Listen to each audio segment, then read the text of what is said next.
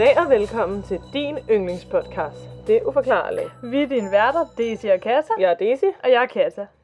Happy New Year! Puh, champagne blev sprunget. Godt nytår! Poppet. Hvad? ja, god start, god start. Champagne bliver et eller andet. Ja. ja. I dag er det den 1. januar. Oh yeah, det Eller er. det er det jo ikke, når det udkommer, men det er det, når vi optager. Lige præcis, lige præcis. Så øh, vi sidder med nytårshatte på begge. Det er vir- virkelig et ømt syn. det er virkelig noget for sig. Ja, og vi øh, har ballonger inde i podcastugen. Ja, ja, ja, ja, ja. ja. Det er festlige tider. Og vi har sovet alt for let og drukket alt for meget. Ja, ja, ja. Og Det- tal for dig selv. Og du ligner bare en, der er tør, men nej. wow. tak, du. Tak. Når man laver podcast, skal man tale tydeligt, Desiree. Akavet stillhed. Hvad skal vi så snakke om? Nå, men øh, hvad så? Hvad er dit nyt? Nå, nej, det snakker vi om sidste uge. Ja. Hvad så? Hvad har du oplevet siden sidst? Det var nytår. Min nytårshat bliver ved at være skarp mod af overfladen. Ja, det er ikke så godt. Nej, Du er alt for høj, så ja. du sidder til at sidde i den her podcast uge. Ja. Det er fordi, at min nytårshat bliver ved med at skrabe mod det tæppe, vi har over os. Hvis I hører sådan en her lyd, så er det bare min nytårshat. Mm. Øhm, Eller en spøgelse. Det er sådan lidt 50-50. Det er lidt 50-50. Øhm, hvad hedder det? Vi skal måske bare gå lige på hårdt, eller hvad? Ja, det gør, hvad vi bare skal det. Jamen, øh, hvem er det, der starter? Det gør du, tror jeg. Puh, det bliver hårdt. Nå, vi glæder os. vennerne. Ja, Jeg sad og kiggede titlerne på vores afsnit igennem her forleden. okay. Og så gik det op for mig, at det er noget tid siden, vi har haft noget med aliens med. Mm, det har jeg også tænkt på, faktisk. Så jeg gik i krig med et emne, der måske var lidt for stort til at forberede til 1. januar. Nå. Jeg skal snakke om noget, vi måske alle sammen har hørt om før. Area 51. Uh, okay, okay, Okay, lad os gå i gang. Jeg skal bare lige gabe. God start, god start. Wow. Nå. Nu starter jeg. okay. I begyndelsen af 1950'erne sendte USA ofte spionfly ud over Sovjetunionen for at udspionere Sovjetunionen. Øh, der var bare det problem, at det var en ret stor risiko, at de her fly de kunne blive skudt ned. Derfor godkendte den nuværende amerikanske præsident Dwight D. Eisenhower produktionen af et nyt tophemmeligt spionfly. Den 26. november 1954 betroede Alan Dulles, som var director of CSA, sin assistent Richard Beasel, eller Beisel, at lede et meget hemmeligt program med kodenavnet Aquatone. Og de skulle så bygge det her fly, ikke? Det var begyndelsen af den kolde krig, og Aquatones mission var at bygge et højt flyvende, det betyder bare, at det fløj højere end andre fly, Mm-hmm. avanceret øh, flyvemaskine skabt til overvågning. Med andre ord, et spionfly. Det skulle så kunne flyve ind over Sovjetunionen ubemærket. Og det var sjovt nok det her fly, som præsidenten havde godkendt. Ikke? Ja, I er alle sammen med nu. Ikke? Okay, okay. Flyet ville være nødt til at flyve højere, end alle andre fly nogensinde havde gjort. Og holdet bag programmet øh, blev nødt til at bygge det fuldstændig skjult for verden. Flyet ville senere gå under navnet U-2. Så, øh, hvad hedder det, ja, altså, det er jo fordi, at når man ligesom er i krig, så skal man jo helst holde ting skjult fra sine fjender. Og det var derfor, det skulle være så hemmeligt, ikke? Ja. Da flyet så var blevet bygget, havde holdet bag det brug for et sted, hvor de kunne testflyve det. Helt uden at nogen opdagede det. Og øh, hvad hedder det... Um, nye fly blev ofte øh, hvad hedder det, testfløjet på noget, der hed Edwards Air Force Base i Kalifornien, men det blev besluttet af chefdesigneren Kelly Johnson at finde et mere øget sted for testflyverne væk fra nysgerrige øjne. Så den 12. april 1955 undersøgte øh, de her folk, Richard Bissell eller Bison, sammen med øh, Colonel Osmond Ridland, som var en Air Force officer, Clarence Kelly Johnson, som øh, var hende der øh, designer-tingen, som også havde tidligere havde arbejdet på andre fly, Tony Lever, som var pilot, øh, de udforskede simpelthen efter områder, hvor de kunne flyve det her, og blandt andet i ørkenen vest for Amer- øh, i Vestamerika, undskyld. Og deres opmærksomhed fandt så på et lille område nær Groom Lake, Groom, undskyld, Lake, øh, hvad hedder det, og hvis man skal finde det område på et kort, så hedder det Area 51, altså sådan på kortet, ikke? eller det er sådan det området hedder. Ja. Og dette havde tidligere været et sted, hvor man havde prøvet at fly af førhen.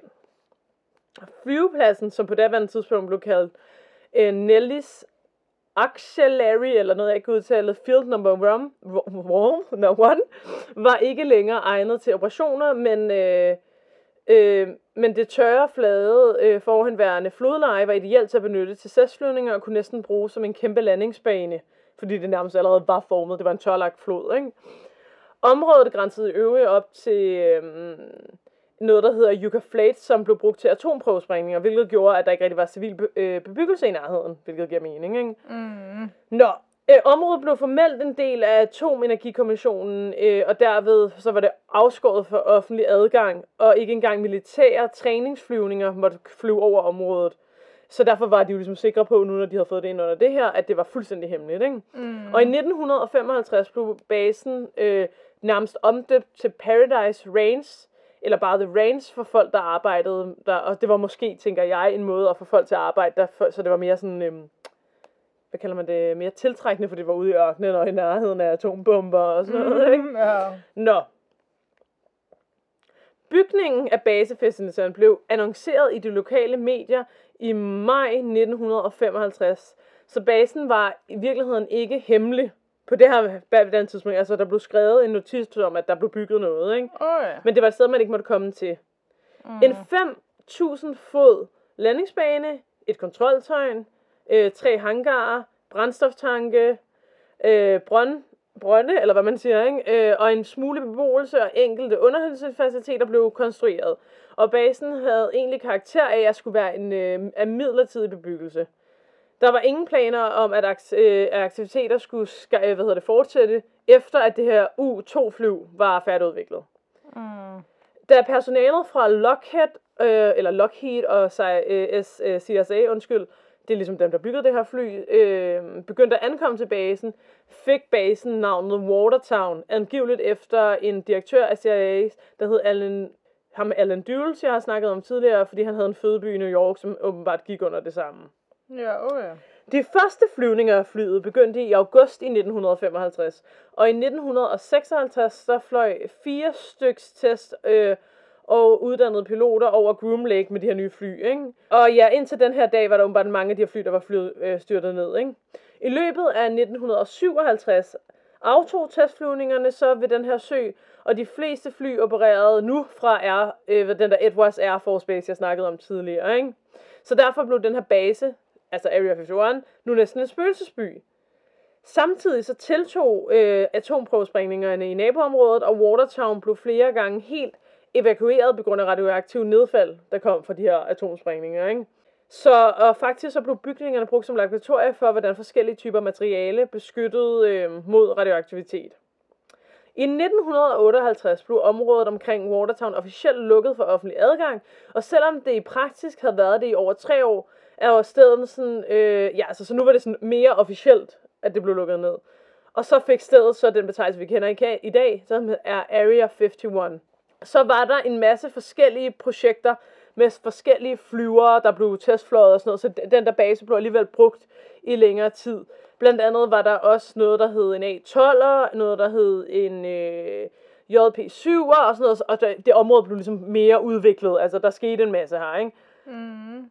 Der er en masse forskellige fly og alt muligt, der blev udviklet der, øh, som er blevet offentliggjort senere hen. Hvis man altså tror på, at det er det, der foregår på basen i Area 51, alle de her spionfly. Fordi der har gennem tiden været rigtig mange teorier om, hvad der foregår i Area 51, og mange mener, at basen indeholder nedstyrtede UFO'er. Mm. Mm. I 1950'erne var der nemlig rigtig, rigtig, rigtig mange mennesker, der kunne berette at have set flyvende og nedstyrtede UFO'er i Amerika. Ikke? Mm. Faktisk var CIA ude og sige, at måske var nogle af disse nedfældede, øh, eller disse syn, var jeg ved at sige, af UFO'er, rent faktisk UFO'er. Altså det har CIA selv været ude at sige åbenbart. Ikke? De lavede en underlig undersøgelse og offentliggjorde, at 90% af alle tilfældene af UFO'er, ikke? i hvert fald øh, ikke var øh, skibe fra det ydre rum. Men, kan man så spørge sig selv om, hvis det var 90%, de kunne med sikkerhed sige, ikke var fly fra det ydre rum, hvad var de sidste 10% så? Ja. Øh, og de her 10%, de blev faktisk beskrevet som utrolige observationer af troværdige observatører. Mm. Hvad det så end betyder, ikke? CIA som styrer Area 51 har siden i en rapport sagt, at 50% af alle de UFO'er, der blev set i 50'erne, øh, var det fly, altså det her spionfly, som man prøvede at holde hemmeligt på det her tidspunkt. Øh, og, da man altså, og det fly, man lavede senere hen, de, altså, som jeg snakkede om før, ikke? eller gik lidt elegant henover. Ikke? Øh, og at øh, rent teknisk, hvis man ser på sammenligninger med årstal og UFO, så er det rigtigt, at UFO-stigningerne steg, eller UFO's observation, hvad fanden er det på at sige? UFO, at folk så UFO'er, steg også, imens de her fly blev testet. Mm. Så det kunne passe sammen, ikke? Og selvfølgelig så kunne CIA jo ikke gå ud og sige, at det var spionfly, folk havde set, fordi de prøvede jo at holde det hemmeligt, ikke? Mm. Øh, og det er jo en, en form for forklaring. Men hvis de siger, at det er 50%, der skyldes fly, så er der jo stadig 50%, man ikke ved, hvad bliver skyldet, ikke? Mm, jo. Ja, som jeg har sagt, så er der alverdens teorier om, hvad der faktisk foregår på den her base. Og en af de mest populære teorier går på, at basen er blevet bygget rundt om en nedstyrtet UFO, og at USA nu forsker og laver alle mulige tests på rumskibet og dets levende passagerer. Altså rumvæsener, ikke? Mm-hmm. Øh, ja, og måske endda, at de får adgang til nogle af aliens teknologi. Der er en meget populær teori på, at de ligesom prøver at lære at bruge alien teknologi, ikke? På den måde vil USA få den mest avancerede krigsfly i verden, og, nogen, øh, og på den måde kunne de ligesom være de bedste, eller hvad man siger, ikke? Nå, den 12. maj 1989, øh, så var der en fyr, som hed Geo, eller George Knap, som var en reporter, som interviewede en mand, som gerne ville have sit ansigt skjult for kameraet. Det var på tv, ikke? Mm-hmm. Han blev derfor kun identificeret på skærmen som Dennis. Dennis afslørede, at han kort havde arbejdet på S4, som er en slags forpost til Area 51. Knap spurgte så direkte Dennis, præcis hvad foregår der derude. Og manden svarede, vel, well, der er faktisk mange, præcis ni flyvende tallerkener, som øh, er udenjordiske på basen. Og de bliver testfløjet, og jeg er praktisk talt bare analyseret. Da Knap øh, presset på for at høre, hvorvidt disse objekter måske var kunne, blive, altså, kunne være nogen, der var lavet af USA, så det ikke var rigtige rumskiber, øh, der svarede ham her Dennis så hårdt tilbage, umuligt. Deres frems, øh, fremdriftssystem er et tyngdekraft fremdriftssystem, hvis det giver mening. Altså noget, øh, hvad det så end betyder. Det forstår jeg ikke. Jeg har oversat det fra engelsk, men det var ligesom det, det rent oversat betyder. Ikke? Okay. Strømsystemet er antimatter øh, reactor. Den slags teknologi findes slet ikke. Og jeg prøvede at søge lidt på det, og jeg kan ikke rigtig forklare det rent teknisk, men åbenbart, at den teknologi, han snakker om her, er noget, der rent... Altså, det vil ikke kunne eksistere. Forstår du, mm. hvad jeg mener? Ja. Ja. Rent sådan i forhold til naturlov, ikke? Dennis viste sig så senere at være identificeret som en fyr ved navn Robert Bob Lazar, som var en ledende stabsfysiker, som var blevet anbefalet for sit arbejde på S4 af Dr. Edward Teller, manden, der genopfandt Thermon-Clear-bomben. En bombe. Så, så vidt jeg har forstået, så har ham her, fysikeren, altså arbejdet på S4, ikke? Mm. I et, TV, et andet tv-program, øh, der øh, gav Robert oplysninger om den teknologi, han mente at have set på basen her. Han havde endda lavet tegninger af, hvordan han mente, at de her udenjordiske skibe så ud, og han navngav et af skibene, undskyld, til at være sportsmodellen åbenbart. Så de så ligesom forskellige ud, ikke? Ja, okay. Robert Lazar sagde, at han havde valgt at gøre, øh, offentliggøre sin identitet, fordi han var bange for at blive dræbt, og på den måde så ville hans øh, sikkerhed ligesom være bedre, fordi at han jo, det ville blive opdaget, hvis han forsvandt. Ja. Fordi han åbenbart var blevet troet på livet. Fordi at han allerede havde været ude og sige noget. Og så tænker jeg, hvis jeg så offentliggør, hvem jeg er, så vil folk jo opdage, hvis de slår mig ihjel. Giver det mening? Mm, var han blevet troet på livet af mennesker, eller rumæs? af mennesker, tror jeg. Altså dem, ja, okay. der styrer ja. Area 51, ikke? Mm. Fra en rapport fra 2013, øh, så, altså, som CIA har lavet, blev det nu offentliggjort, at man mente, at U2 var skyld i alle de her UFO'er. Det var det, jeg snakkede om tidligere, ikke? Mm-hmm. Og at det altså bare var det, folk havde set, når de havde set rumskibe, ikke? Det var det, jeg snakkede om tidligere. Lige sidebemærkning, ja. hvis jeg glemmer at sige det, så offentliggjorde CIA først i år 2013, at der overhovedet fandtes en Area 51. Før mm. det var det kun noget, folk gættede på. Altså før ja, det sagde de, at den ikke fandtes. Det skal lige siges, okay? Ja. Okay. Øh, dog påstår Lazar stadig, at han så UFO'er og aliens, da han arbejdede i Area 51. I marts 1989, der hævder Lazar, at han, han gik ned ad en gang i det her S4, som var en del af det der område, og så kiggede han sådan til siden, i en, hvor der var en dør med sådan en lille vindue i, øh, hvor han så, øh, en lille grå alien med et stort hoved stå mellem to mænd i hvide kitler. Da han så prøvede at gå tættere på for at kigge bedre, blev han skubbet væk af nogle vagter, som åbent bare stod ude for rummet, som sagde, at han bare skulle gå videre og holde sine øjne fremad og ned. Lazar sagde, at øh, når man snakkede om de her aliens på basen, så blev de refereret til som børnene, eller the kids. Okay. Og det synes jeg kan være klamt på flere måder. Det er selvfølgelig klamt, hvis de jo bare snakker om dem på den måde, men det er også klamt, hvis det er alienbørn, de har. Ja. Jeg ved ikke, begge ting synes jeg er klamt. Der. Lazar, han snakkede også om en speciel teknologisk ting på basen, som kunne scanne ens hånd, og øh, på den måde ligesom give en adgang til forskellige dele af basen, sådan mega spy-agtigt, ikke? Mm.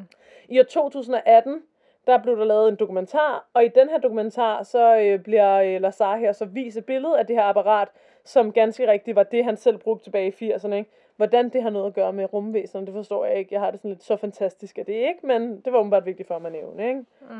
Fra april 1955 var Area 51 ikke engang anerkendt som et faktisk sted, det er jo det, jeg siger, ikke? Øh, og det eneste måde, man ligesom dengang ligesom kunne med sikkerhed vide, at der foregik noget derinde, var fordi der var skilte, hvor der stod, at man ikke må, altså adgang var på eget ansvar, og du blev dræbt, hvis du gik ind og sådan noget. Ingen adgang, ikke? Mm. Lige en sidebemærkning, det er ikke noget, jeg har skrevet ned her, men det skal siges, at der er en, der er en vej i nærheden af Area 51, som jeg lige nu har glemt, hvad hedder, som er meget kendt, hvor der i løbet af den vej er sat sådan officielle skilte op, hvor der står sådan noget med, øhm, øh, sådan noget med, sådan, øh, her er der chance for at blive bortført af rumvæsener, og øh, altså alle sådan nogle ting, ikke? Den er ligesom kendt for at være sådan, det er der, man skal tage hen, hvis man gerne vil til rumvæsener, eller hvad hedder det, flyvende tallerkener. Ja. Øh, som jeg har sagt, der har gennem tiden været rigtig, rigtig mange teorier på, hvad der foregår på basen.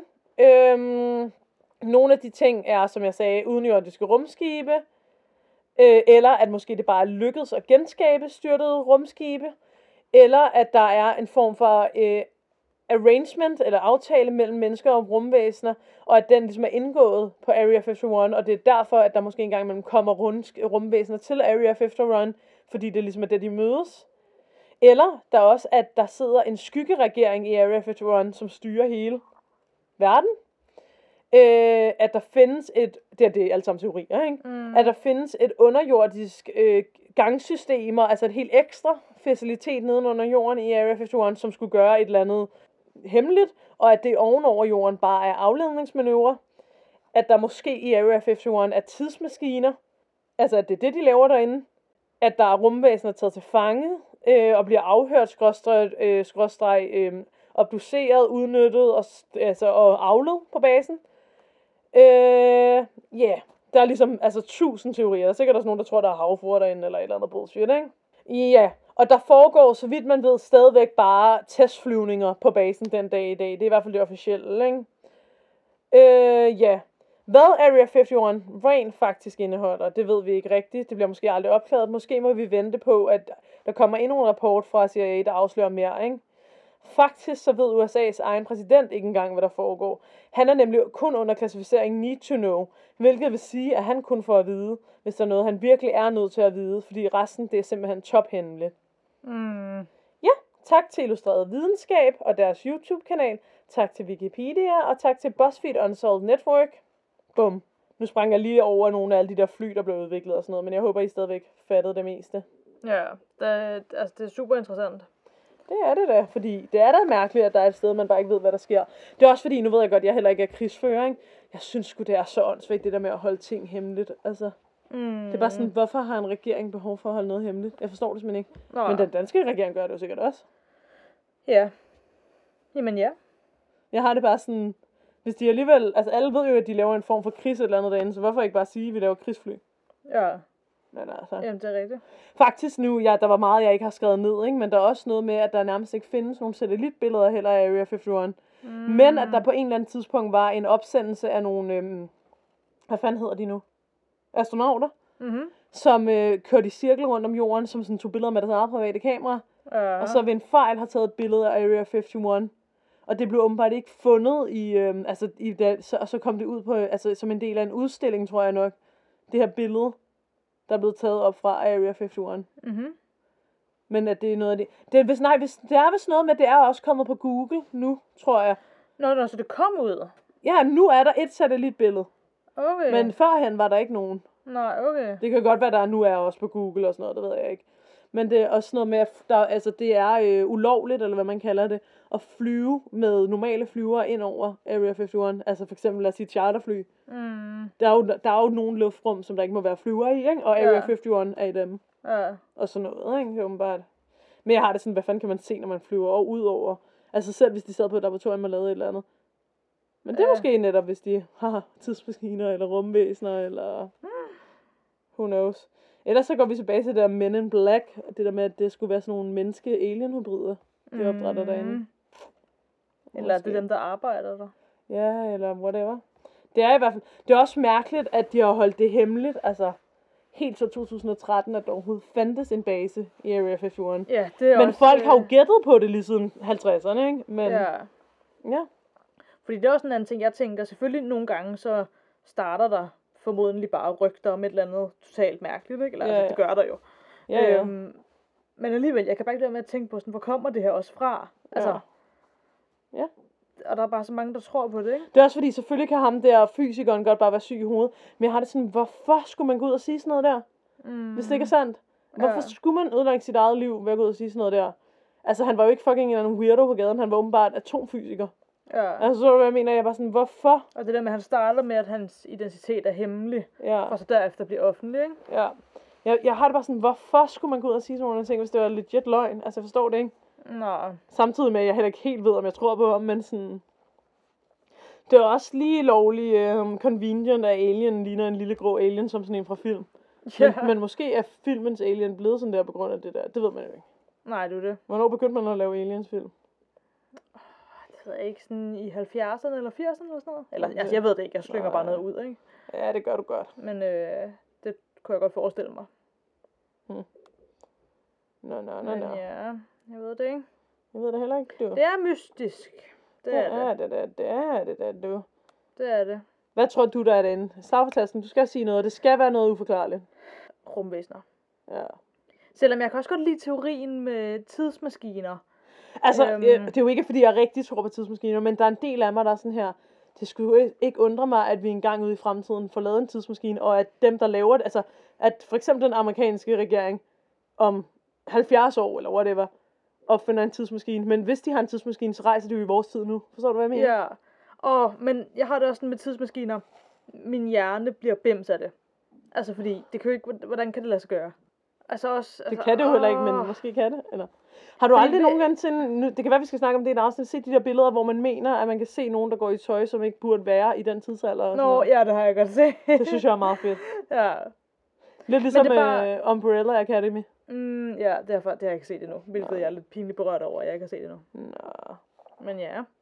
Men ja, men jeg har det bare sådan, okay, selv hvis tid ligesom er en eller anden form for, det ved jeg ikke, linær, altså hvis man kan se det visuelt for sig, at det er sådan en linær streg, ikke? Ja. Og alt ligesom er forudbestemt, for det bliver du jo næsten lidt nødt til så at være i en eller anden forstand. Og der sådan for hvert eneste lille millisekund, så findes der, altså i både fortid, nutid og fremtid, så findes der jo en version af dig for eksempel, der laver, hvad du nu end laver i det millisekund. Men selv hvis det er på den måde, så den lineære streg, som tiden er, den må jo være uendelig lang. For hvis den stopper på et tidspunkt, så er der bare ikke noget. Eller sådan, giver det mening? Jamen, de siger jo også, at der ikke var noget før Big Bang, hvis man tror på det. Eller hvis man tror på det. Big Bang fandtes jo, ikke? Men altså, Ja. ja, ja, men jeg ved ikke, jeg tror ikke, jeg ved det ikke. Jeg har det bare sådan, at alle de ting, man op... Altså, hvis man går 100 år tilbage i tiden, ville man heller aldrig tro, at en iPhone kunne eksistere. Forstår du, hvad jeg mener? Jamen, det er også det. Altså, Ja, jeg har ja. også meget sådan, man skal aldrig sige aldrig. Nej. Øhm, Prøv at tænke på, at man kan sidde med sin lille iPhone, og så trykke på noget, og så kommer det op på din tv. ja. Det ville jo have været magi tilbage i 1800-tallet. Ja, ja, præcis. Altså, det, altså sådan, så det, det er bare, og det er jo lidt det tidsmaskinen er for os, det er jo magi. men det, ja, Og vi men, kan fucking flyve, Katja. ja. Ja, ja, altså, jeg, Ja. ja. jeg forstår, jeg er helt Ja. med på det, du siger. Jeg er helt med på Selvfølgelig det. er det jo noget, altså jeg Øhm. siger ikke, at jeg tror, de har en tidsmaskine lige nu nødvendigvis, men why not? Nej, nej, nej. Men jeg har det, altså, jamen, jeg er Ja. helt med, og jeg har det også lidt Ja. sådan, hvorfor ikke? Jeg har det sådan, Men- en tidsmaskine er mere sandsynlig end for eksempel øh, rigtig magi. For tidsmaskine er jo en, en det er jo en, øhm, det er jo elekt- elektronisk. Det er noget menneskeskabt, forstår du, hvad jeg mener? Hvor for eksempel, hvis man tror på øh, øh, spøgelser for eksempel, Mm. det er jo ikke noget sådan, altså det er ikke håndgribeligt. Nej, nej, jeg forstår, hvad du mener. Ja, ja. Jeg forstår, hvad du mener. Øhm, men det er bare fordi, det omhandler tid.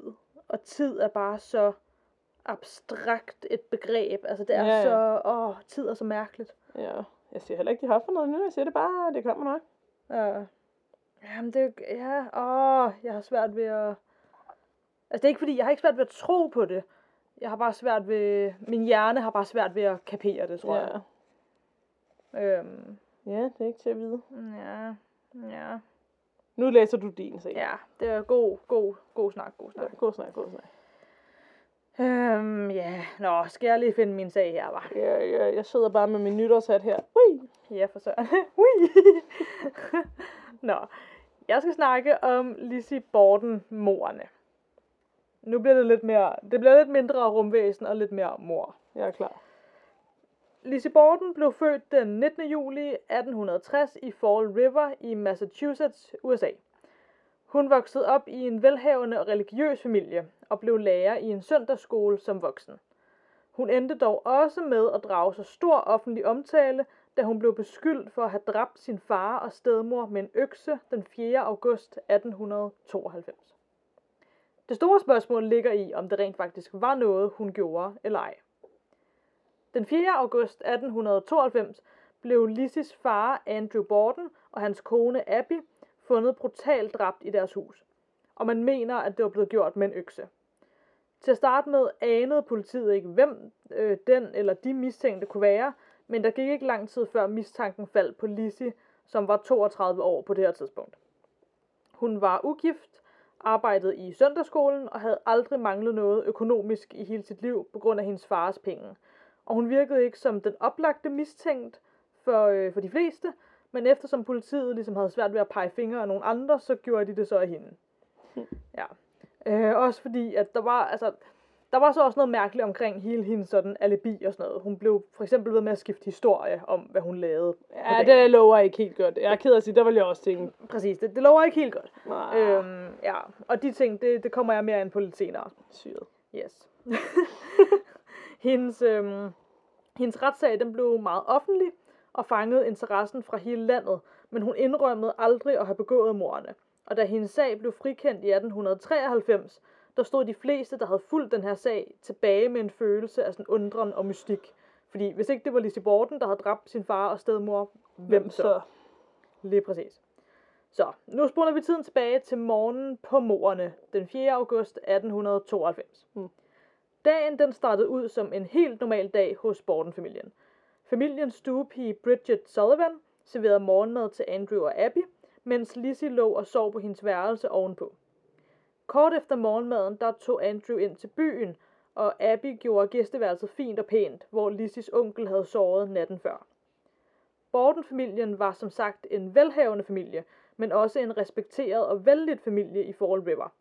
Andrew han havde været gift med sin første kone og Lizzies mor, indtil hun desværre gik bort, hvorefter han så giftede sig med Abby nogle år senere. Andrew havde to døtre, hvor Lizzie så var den ene, og den anden hed Emma. De var kendt for ligesom at være meget sådan velopdragende og kristne, ordentlige piger. Men selvom familien måske virkede sådan noget nær perfekt udadtil, så var det ikke tilfældet. Abby hun havde øh, fungeret som stedmor for Lizzie og Emma næsten hele deres liv, men det ændrede ikke på det faktum, at de ikke brød sig om hende. Lizzie havde desuden et ønske om, at familien flyttede til et endnu pænere område i byen, end der, hvor de boede. Og så til dig har jeg lige et billede af Andrew og Abby, hvordan de så Det var ud. dem, der blev dræbt, ikke? det var dem, der blev dræbt. Jo. Hold da op. Han ligner... Øh, ja, han ser ikke venlig ud. Han ser virkelig ikke venlig ud, synes jeg. Hun ser virkelig heller ikke venlig ud. Hold da op, hun ligner lidt en trold, synes jeg. Ej, undskyld, det må man ikke sige.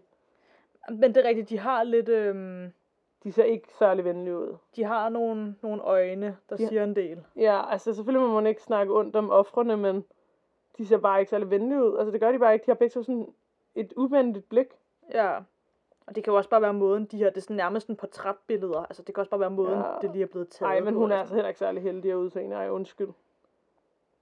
Men hun har til gengæld meget flotte krøller, men altså. Ja. Nå, Nå, jeg undskyld til dem. Øhm, de uenigheder, familien havde, de blev forstærket i starten af den august måned, hvor morerne fandt sted. For det første, så var det utrolig varmt udenfor, Og hele familien havde oven i det følt sig utilpas de sidste par dage, på grund af noget dårlig mad, de havde spist. Mm. Men om morgenen den 4. august havde de, alle, de havde det alle sammen godt igen der, og de følte sig friske, lige på nær Bridget, altså stuepigen, øhm, som stadig følte sig lidt utilpas.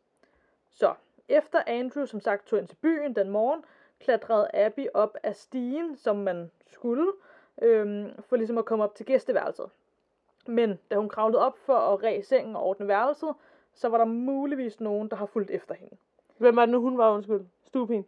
Nej, det var øh, Abby. Det var, øh, Stedmoren. Det var stedmoren. Ja. Lige præcis. Øhm, da Andrew han øh, kom tilbage fra hans bytur, der spurgte han Lizzie, hvor Abby var henne. Og til det, altså stedmoren, Ja. øh, og til det der svarede hun, at Mrs. Sporten var gået for lidt siden. Mm. Også bare det der med, at hun kalder hende Mrs. Sporten. Og hun har været hendes stedmor i sindssyg, ja, altså i rigtig mange år. Selvfølgelig var det anderledes i gamle dage, men... Men ja, nå, men det er bare lige en sidebemærkning. Øhm, nå. Øh, Lizzie, hun siger så, at grunden til, at hun var gået, det var, at hun havde modtaget en note om, at en af hendes venner var blevet syg. Andrew, han tænkte ikke meget mere over det, og satte sig ind i sofaen i stuen for at slappe af. Relaterbart.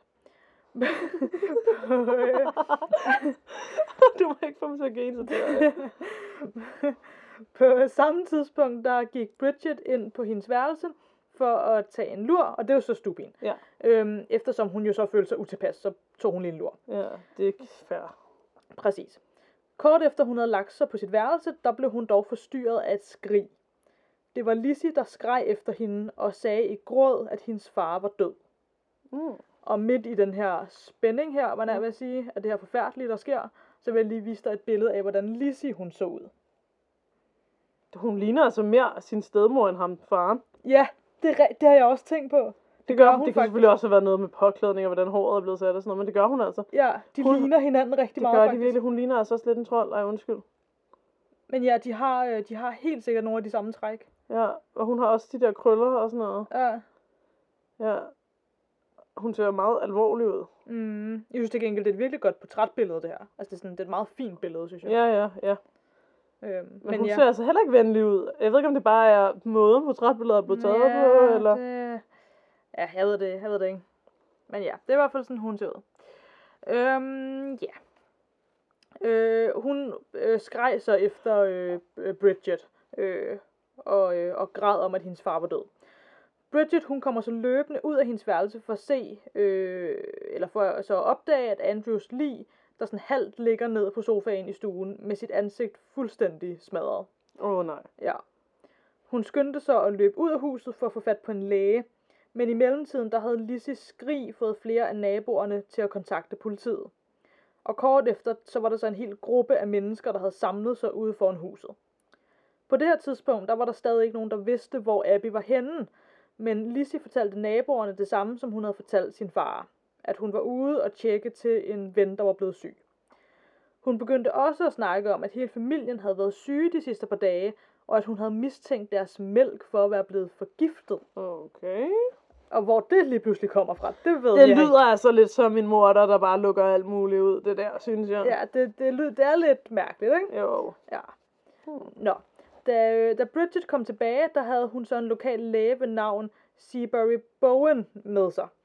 Bridget, hun gik ovenpå for at lede efter Abby, og se om hun var i huset. Øhm, for Bridget havde jo ikke fået den der historie med, at hun var ude efter en syg ven. Nej. Så hun ledte bare efter Abby i huset, øhm, og hun finder så hendes lig ligge på gulvet i gæsteværelset, med ansigtet nedad og omringet af en pøl af hendes eget blod. Åh, oh, nej. Ja. Det blev senere vurderet, at Abby var blevet slået med en lille økse 19 gange, og Andrew var blevet slået højst sandsynligt med den samme økse 11 gange. Hmm. Seabury, den her læge her, noterede, at Andrews øjne var blevet skåret i halv, og hans næse var fuldstændig skåret af hans ansigt. Samtidig var Abbys blod mørkt og stivnet, hvilket så fik ham til at tænke, at hun måtte være blevet dræbt før Andrew. Men hvad var der så sket, og hvem, eller hvad, for den sags skyld, havde gjort det? Det er så spørgsmålet. Ja. Til at starte med, der mistænkte politiet ikke Lizzie for at have noget med sagen at gøre. Hun var jo ligesom også en ordentlig og kristen pige, så hvordan kunne hun have gjort noget så grusomt? ja. Det tænkte man ikke, hun kunne. Øhm, hun sagde desuden, at hun havde været ude i laden for at finde et stykke jern, da angrebene fandt sted. Og så har jeg skrevet i parentes, men hvordan vidste hun, hvornår angrebene fandt sted? Ja, det er sgu Det mærkeligt. er bare så mistænkeligt sagt, synes jeg. Ja, hvad var det, hun præcis sagde, sorry? Altså hun sagde, at da angrebene fandt sted, var hun ude i laden for at finde et stykke jern. Det var hende, som var mistænkt, ikke? Jo, det er Lizzie. Ja, det... Um... Og især hvis man også det der, det sådan lidt blev konstateret, at de var blevet dræbt med et lille sådan, tids mellemrum. Altså, hvordan, hvordan kan hun sige, at imens de blev dræbt, var jeg ude i laden? Ja, og lede efter noget jern, og troede hun ikke, den ene var ude og led... Var hun ikke ude af huset oprindeligt i hendes oprindelige forklaring? Jo, øh, altså Abby. Ja. Ja, ja. ja. Ah, det er sgu lidt fishy, var? ja. Hvor der er røg, ikke? Det, er, det er lidt, altså der, er- altså, igen, aldrig sig aldrig. Helt sikkert aldrig sig aldrig, men, men ja. Øhm, nå. Men, ja, i hvert fald, de her ting tænkte politiet ikke rigtig over endnu, i hvert fald, tror jeg. Øhm, I hvert fald så tænkte de, at det måtte være en mand, der havde gjort det. Højst sandsynligt en udefra. Hmm. Og blot få timer senere, det synes jeg også er forfærdeligt, det her, med mindre det selvfølgelig var ham, men blot få timer senere, der anholder de en øh, portugisisk immigrant. Okay. Øh, men det førte så heller ikke nogen vegne, fordi der var ligesom ikke rigtig nogen beviser overhovedet på, at han havde noget som helst med det at gøre. Eller, Hvorfor At, anholdt de ham så? det ved jeg ikke. Jeg Racisme eller hvad? tror, ja, I guess. Ja, okay. Øhm, Nederen. virkelig nederen. De, jeg tror bare, de havde, altså det, ja, De havde brug for en det synder er forfærdeligt. Jeg tror Ja. bare, de havde brug for en eller anden at give skylden, ja. Ja. Øhm, og det er også det, der var ingen beviser på, at den her mand overhovedet havde været i nærheden af Bordenhuset den dag. Fuck, Øhm. weird. Men hende der steddatteren, som siger alle mulige fishy ting, hun går bare rundt og så synger og danser, eller Ja, ja, præcis. Nå. I hvert fald indtil videre. Ja. Øhm, ja. Nå, men ja, men ham her, den portugisiske mand, som jeg ikke har navnet på, øhm, ham lod de så heldigvis gå igen. Nå, det det. Eller nu siger jeg heldigvis, altså hvis det så rent faktisk var ham, så er det selvfølgelig ikke så godt. Men, ah, men det er det sgu nok ikke. øh, men ja, nå. Øh, der blev så fundet en øh, blodig økse på en af nabogårdene, øh, men det blev så konstateret, at det var blevet brugt til at dræbe høns med. Så gik man ikke videre med det. Hvad fandt man på nabogården? Man fandt en blodig økse. Nå, det var nok ikke den. Nej, den, der, den, den nabogården havde bare dræbt nogle høns med den. Nej, men Så altså, det- det... det er jo amatører, det der. ja, så det, det okay. Så var de sådan, "Nå, men så kan det jo ikke være den. Så gik de videre. Øh, så var der så blevet spottet en øh, mistænkelig mand i nærheden af Bordenhuset omkring tiden, hvor morerne, de mente, morerne måtte have fundet sted. Men da man afhørte den her mand, så fandt man så ud af, at han havde et alibi. Så det, Nå, det er altid noget. ja, så der var ikke noget at komme efter. Mens politiet de kiggede på alle de her mulige mænd, som de mente, det kunne være, for de mente, det skulle være en mand, så blev Lissis historie ligesom ved med at ændre sig, Ja. som jeg nævnte tidligere. Det hun sagde om, at hun havde været ude i laden og ledet efter jern, det skiftede lige pludselig til, at hun sagde, at hun havde siddet på loftet i laden og spist en pære. Det jeg aldrig har forstået ved morder, der ændrer deres forklaring, ikke? Mm. det er, hvis nu de bare holder sig til den samme forklaring, så giver det jo mere mening. Ja, jeg forstår heller ikke, altså, hvorfor. hvor, hvorfor er de så dumme? Ja, ja, ja.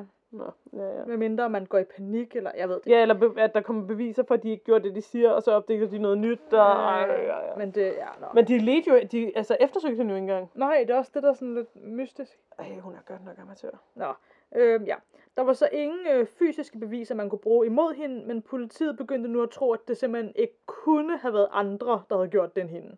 Så det var, også, det, det var nærmest, det blev nødt til at være udelukkelsesmetoden for politiet, før de Ja. ja. mistænker hende. Ja, Nå. okay. Og jeg sidder også og tænker, men hvad med stuepigen? Hende blev, hun blev overhovedet ikke mistænkt. Nej, hun lå bare og sov jo. Ja. Og hvem er den anden søster der? Den anden søster? Havde hun ikke en anden søster? Jo, men jeg tror, hun var slet ikke i huset. Nå, men Øh, derfor den her kan dag. hun kunne godt have været i huset, når nogen vidste, hun var i huset. Mm. Men det tror jeg heller ikke, de tænkte på. Nej. Men ja, ja. Nå, ja. En af politiets tanker omkring det var, at hvis det var en ekstern morder, så at sige, altså en udefra, øhm, og Abby var blevet dræbt tidligt på dagen, så måtte morderen have gemt sig i huset i mange timer, før Andrew kom hjem igen, for så at dræbe ham. Og i al den tid, så ville morderen have risikeret at blive opdaget af enten Lizzie eller Bridget. Og jeg tænker så, men selv hvis det var en morder udefra, de behøver jo ikke at have gemt sig i huset i al den tid. Altså, der kunne, der kunne være sket alle mulige scenarier af ting. Ja. Altså, det, det, er bare så, det er bare så mærkeligt, det her. At de sådan, Nogle gange, når man hører sådan nogle ting, så ved jeg godt, at politiet bare gør deres arbejde. De gør det sikkert så godt, de kan. Men man tænker virkelig, hvad? Ja, altså sådan, ja, fordi ja. så udelukker de det, fordi de tænker, at en morder kan jo ikke have siddet og gemt sig i huset i så lang tid. Ej, undskyld, jeg griner, men det er bare så mærkeligt. Ja, det er godt nok amatør. Altså sådan, for det første, jo, en person kan sagtens have siddet og gemt sig i så lang tid. For det andet, det kan godt være en, der er kommet og, Og gået, gået og igen. kommet, og det kan jo Ja. være, det kan, der kan være, det kan være flere, der har gjort, der kan være sket så mange ting. Ja, jeg har også tænkt på, om begge søstre var med i det. ja. Ja, Og måske også Stufine, hvem ved? jamen det er det, hvem ved? Ja, nå. Ja. Ja, ja. Ej, jeg vil falde ned. Nå. Ah, Åh, oh, så må ikke falde ned. nej, det ligger ikke så godt. Nå, videre. Nå. Øhm, men så er der den øh, note, som Lizzie sagde, at Abby havde modtaget omkring en ven, der var syg. Øhm, så begyndte der også med at komme spørgsmålstegn ved, hvad var der egentlig sket med den her note, nu hvor Abby tydeligvis ikke var nået ud af huset. Til det, der sagde Lizzie, at hun mente, at Abby muligvis havde brændt noten ved et uheld. Und- undskyld, jeg griner igen, men det er også bare en... Jeg er bare helt paf. Altså sådan, Det var hvorfor, hvad, og hvorfor så overhovedet fortælle om nogen, hvis du alligevel ikke har noget bevis? Ja, det, det er mærkeligt. Nå. Ja. Ja. Øh, nogle detektiver, de fandt ud af, at dagen inden morerne fandt sted, der havde Lizzie forsøgt at købe en giftig syre fra et apotek. hun havde sagt, at hun skulle bruge det til at reparere en skinkarpe, hun havde. Men ekspedienten øh, havde afvist at ville sælge det til hende, eftersom hun skulle have en recept til det, og det havde hun ikke. Et par dage efter morerne, der så en af Lisses venner, at hun brændte en af hendes kjoler i ovnen i huset.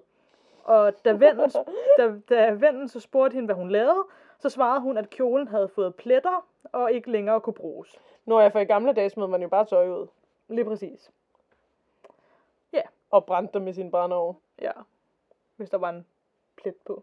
Ja, det gør jeg også. I hvert fald, hvis man var velhavende dengang, ikke? Ja, ja. Ja. Ja, man fik det ikke til rens eller noget. Nej, nej, nej. Nej, for helvede. Nå. Den øh, 8. august, der kom flere af Lizzie... Øh, øh, ja, der kom hun med flere... Øh, øh, nej, det er løgn, det jeg siger. Okay. Jeg prøver lige igen.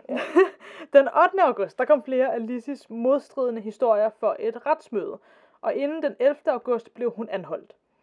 I 1893 var hun igennem den retssag, som blev meget offentlig kendt og skabte overskrifter over hele landet. Især fordi, at det var så uhørt, at en kvinde fra overklassen blev mistænkt for at gøre noget, der var så grusomt. Der blev blandt andet diskuteret om, hvordan morerne de, øh, de var så grusomme og fulde af blod omkring gerningsstederne, samtidig med, at Lizzie ikke havde den mindste dråbe blod på sig, da naboerne kom strømmende hen til huset, efter hun havde skrevet. Hmm. Der var så nogen, der, der kom med det forslag, om det kunne have været, fordi hun havde taget alt sit tøj af, inden hun dræbte dem, for så at tage det på igen. Eller det kan også være, hun har taget det tøj, hun havde på, da hun dræbte dem af, inden hun er begyndt at råbe. Ja, det kan være, ja, det kan være mange ting. Ja. Nå, det kom desuden frem, at der øh, rent faktisk var vidner, der havde set Lizzie forlade laden omkring det her tidspunkt, hvor hun også påstod, at hun havde været inde i laden. Øhm, og flere vidner havde også set mistænkelige mænd bevæge sig rundt om ejendommen den dag. Hmm. Desuden så formåede forsvaret at få fjernet den påstand om, at Lizzie havde forsøgt at købe gift dagen inden morne, ved at sige, at det var irrelevant, eftersom at ekspedienten blot havde troet, at det var Lizzie, fordi man havde hørt nyheden om morerne, men at det i virkeligheden havde været en anden kvinde i apoteket den dag. Hmm. Og selv hvis det rent faktisk havde været Lizzie, så kunne man sagtens bruge den gift øh, til det, hun sagde, hun skulle bruge den til. Øh, og man kunne bruge det til andre sådan uskyldige ting også. Ja, okay. Så ja. Den 19. juni 1893, der blev Lizzie frikendt i morerne på Andrew og Abby Borden. Efter den værste offentlige interesse ligesom var gået i sig selv igen, Mm. så købte Lizzie og hendes søster Emma et hus i et pænere område i Fall River, der hvor Lizzie altid havde drømt om at bo. Hmm. Havde de også ejet? Det havde de. det, det havde de. Okay. Øhm, de to søstre, de boede så i fred og ro sammen i deres nye hus, indtil 1904, hvor Lizzie, som nu gik ved navnet Lisbeth, mødte en skuespiller ved navn Nance O'Neill. Hold da op. Ja, de blev meget tætte, og nogen mente også, at, det var, at de var øh, romantisk involveret med hinanden. Men Emma brød sig ikke om deres forhold til hinanden, og to år efter Lizzie mødte Nance, flyttede Emma ud af huset. Lizzie levede så resten af hendes liv relativt stille og roligt, og døde i 1927 i en alder af 67 år. Folk de, øh, diskuterer stadig den dag i dag, hvorvidt det var Lizzie, der dræbte Andrew og Abby, eller om de døde på anden vis. Nogen mener, at det var Andrews søn, for han havde også en søn, der havde gjort det, øhm, fordi at han havde fået den her søn uden for ægteskabet. Og at Lizzie og Emma så prøvede at dække over det for at holde på familiens ære. Hmm, det kunne måske også godt være, faktisk. Mm. Andre mener, at det var Lizzie og Emma, det var det, du var inde på Ja. før, at det var dem, der gjorde det sammen og havde planlagt det sammen. Mens at en helt tredje teori går ud på, at Lizzie og Bridget havde en affære, og Andrew og Abby havde fundet ud af det, og derfor så dræbte de dem så sammen. Det, jeg har hørt om det her mor før. Har du det? Ja, hvor den øh, teori er en af dem, som bliver sådan mere beskrevet. Ja. Ja. Mhm. Men jeg synes også, jeg har hørt noget om, at det var de to søskende, der havde en affære. De to søskende. Ja, det har jeg synes, jeg, jeg har hørt et eller andet sted. For jeg kan huske, jeg synes, Nå. den her sag mindede mig om noget. Hold Det er derfor, jeg har været sådan, siddet og tænkt lidt, fordi jeg virkelig har været sådan, hvad er det, det minder mig om? Nå, ja, okay. Men det kan da også godt være, især hvis hun var lesbisk. Så Ja. kan det da godt være, hun har haft en, øh, en, en affære med stuepigen. Jamen, det er det. Det kan sagtens være. Ja, eller hvad? Jeg ved, Og det var jo... Eller homoseksuel hedder det vel på en pænere, Ja, ja, ja. uden at fornærme nogen. Men ja, og det var jo altså fuldstændig skudt i hovedet, men ja, det var jo uhørt dengang. Ja, ja, ja. Altså sådan, det kan godt være, det var forkert, og man synes, det var uhørt, men fakt er, historisk set, så var det jo øh, uhørt. Så Ja. det kan da godt være, at det er rigtigt, at det blev fundet ud af, og så derfor, Ja, ja, præcis. ja. Ja. Ja. Øhm, så er der selvfølgelig også den øh, fjerde teori, der siger, at det kunne have været en morder, der kom udefra, som havde intet personligt med familien at gøre. Men øh, altså, det er jo sjældent, øh, hvad hedder det, Ja. stranger danger, mor. Stranger danger, mor. Og, t- jeg læste et sted fra en eller anden kendt efterforsker, der har sagt, at typisk er den mest sandsynlige teori den rigtige. Ja. Rest in peace. Ja. Ja. Den femte teori. Okay. jeg fortsætter. Kan det have været rumvæsener? Hvad?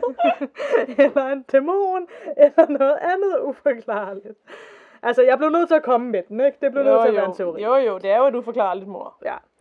Det der så også er med det, nemlig, det er, at i 2012, der fik Fall River Historisk Samfund fat på de noter og dokumenter, som Lisses advokat havde haft i forbindelse med sagen. Mm-hmm. Og i dem stod der blandt andet skrevet, at Lizzie var en sårbar kvinde, som var blevet fuldstændig ødelagt og var i total sorg over at have mistet noget af sin tætte familie. Hmm. I medierne blev hun dog til dels portrætteret som et uhyr, der iskoldt havde myrdet hendes far og stedmor. Og ud fra det, der udsprang der følgende rim, Jeg er klar. som er lidt forfærdeligt. Nå, det lyder sådan her på engelsk. Lizzie Borden took an axe and gave her mother 40 whacks. When she saw what she had done, she gave her father 41. Bum, bum. Ja, så vil jeg gerne sige tak til allthat'sinteresting.com, Wikipedia, smithsonianmag.com og history.com. Okay, selvfølgelig er man uskyldig til det modsatte bevis. Mhm. Men jeg tror, hun gjorde det. Ja, Så er det sagt. så er det ude der. Det var det. Det er min teori. Kort og kontant. Jamen, øhm, tak for i dag, du. Ja, tak for det. Ej, men det er det der med, at hun skifter til... Altså, Ja, det er simpelthen... Det er for... Hvad hendes motiv har været, det ved jeg ikke. Det kan have været alt muligt. ja, det, ja det, det er ikke til at vide. Hvis det rent faktisk var hende, så er det ikke til at vide, hvad Men- motivet var. Uh, undskyld. Men jeg tror, jeg var hende. Mm, Det synes jeg sgu. ja, Jeg tror ikke, jeg har så meget mere at sige til det, du. nej. Jeg synes, Men det er også det, der er egentlig ikke så meget at sige til det, fordi... det var bare hende. Nej, sorry. Uskyldig til det modsatte af bevis, det er klart. Men, Ja, men det er 100%. mest sandsynligt, at det var hende, tror jeg. Måske hende og søsteren, måske hende og stuepigen. mm, Jeg tror, det var hende. mm, Så er den. Måske kan jeg også godt købe teorien om, det var ham der, den øh, uægte søn. ja, synden. Men hvis man vidste, at, at ens bror havde dræbt mor og faren, ville man nok, nok ikke gerne have dem i, i, in the jail. Ja, Jeg ved det sgu ikke. nej, jeg ved det heller ikke. Jeg ved det heller ikke. Det er ikke godt at vide. Øhm, Det skulle ikke gøre det i. Ugens lys. det er i hvert fald forfærdeligt. Det er forfærdeligt. Ja, ugens lys. Ja. Øhm, Okay, jeg har, jeg ved ikke om det er lige fra med et lys, men jeg har, Ja. ja. næste gang vi ses, så har jeg jo fyldt endnu et år. Jeg har jo fødselsdag i den kommende uge. ja, da, da, da, da, du har det. På onsdag den 5. januar. Ja, du, du, du ja, der. ja. Du, du, du, du, du, du. Jeg ved ikke, om det er et lys. For jeg, jeg, jeg tror, nej, jeg tror, om et lys vil være, at vi havde en hyggelig nytårsaften. Åh. Men vi er gået ind i min fødselsdagsuge, så det skal jeg snakke om i næste afsnit. Oh yeah. Yeah! Yeah.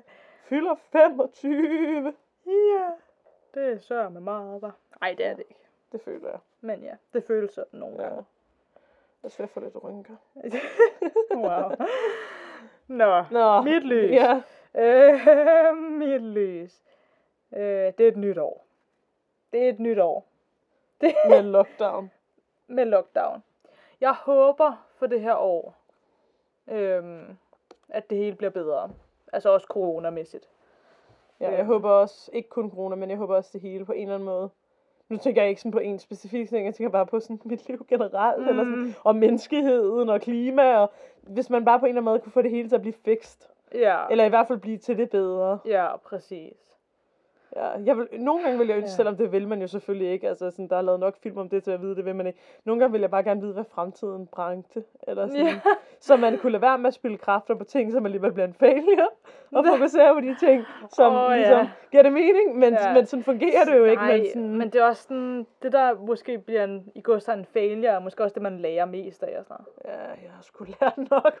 Ej, nej, men Man sådan, stopper aldrig med at lære. Nej, det var ret. Jamen, øh, smukt og poetisk, Katja. Jamen, var det så det? Hvad tænker jeg? Jamen, så until then. Og til alle ånderne derude. Dramatisk. Ej, stop. Jeg, fuckede vores afslutning op, hvis jeg lige forfra. Okay, okay, okay. Okay, okay. Du over. Jamen, var det så det? Det tænker jeg. Jamen, så until then. Og til alle ånderne derude. Please don't hjemsøge os.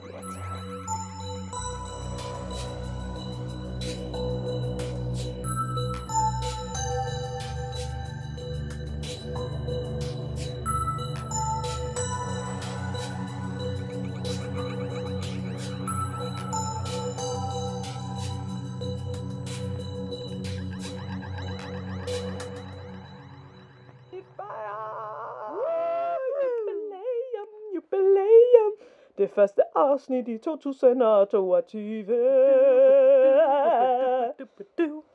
Ja, tak.